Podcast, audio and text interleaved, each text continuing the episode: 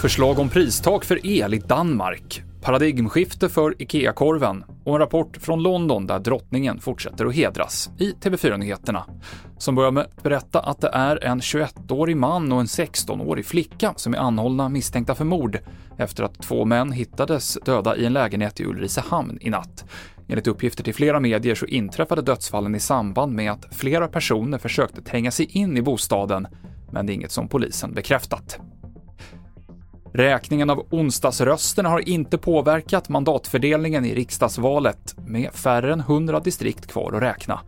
Den enda förändringen för en stund sedan var att Socialdemokraterna backar från 30,5 till 30,4 procent av rösterna. Och det preliminära valresultatet väntas nu under kvällen. Drottning Elisabeths kista befinner sig nu i Westminster Hall i det brittiska parlamentet, där den kommer ligga på Lido Parad i fyra dagar och hundratusentals väntas vilja se hennes kista.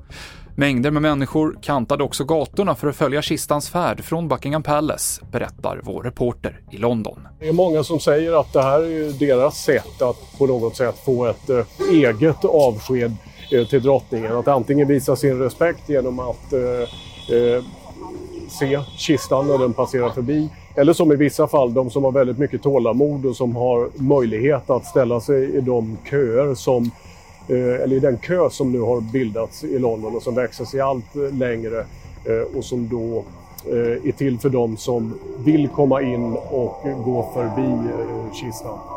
Det sa Thomas Kvarnkullen. Den danska regeringen vill att energikrisen ska tacklas genom att hushållen ska kunna frysa elräkningarna vid ett visst maxbelopp och sen betala den överskjutande summan de kommande åren till låg ränta. Statsminister Mette Frederiksen sa på en presskonferens idag att många familjer annars riskerar att få betala flera tusen kronor mer varje månad. Och IKEA höjer priset på sin klassiska varmkorv. En kokt med bröd har kostat 5 kronor i bistron sedan 1995, men nu höjs priset till 7 kronor. Samtidigt så sänks priset på vegetarisk korv till 5 kronor och IKEA säger att vegetariska alternativ av klimatskäl ska vara billigare än de med kött. Prishöjningen träder i kraft i morgon. Fler nyheter hittar du på tv4.se. Jag heter Mikael Klintevall.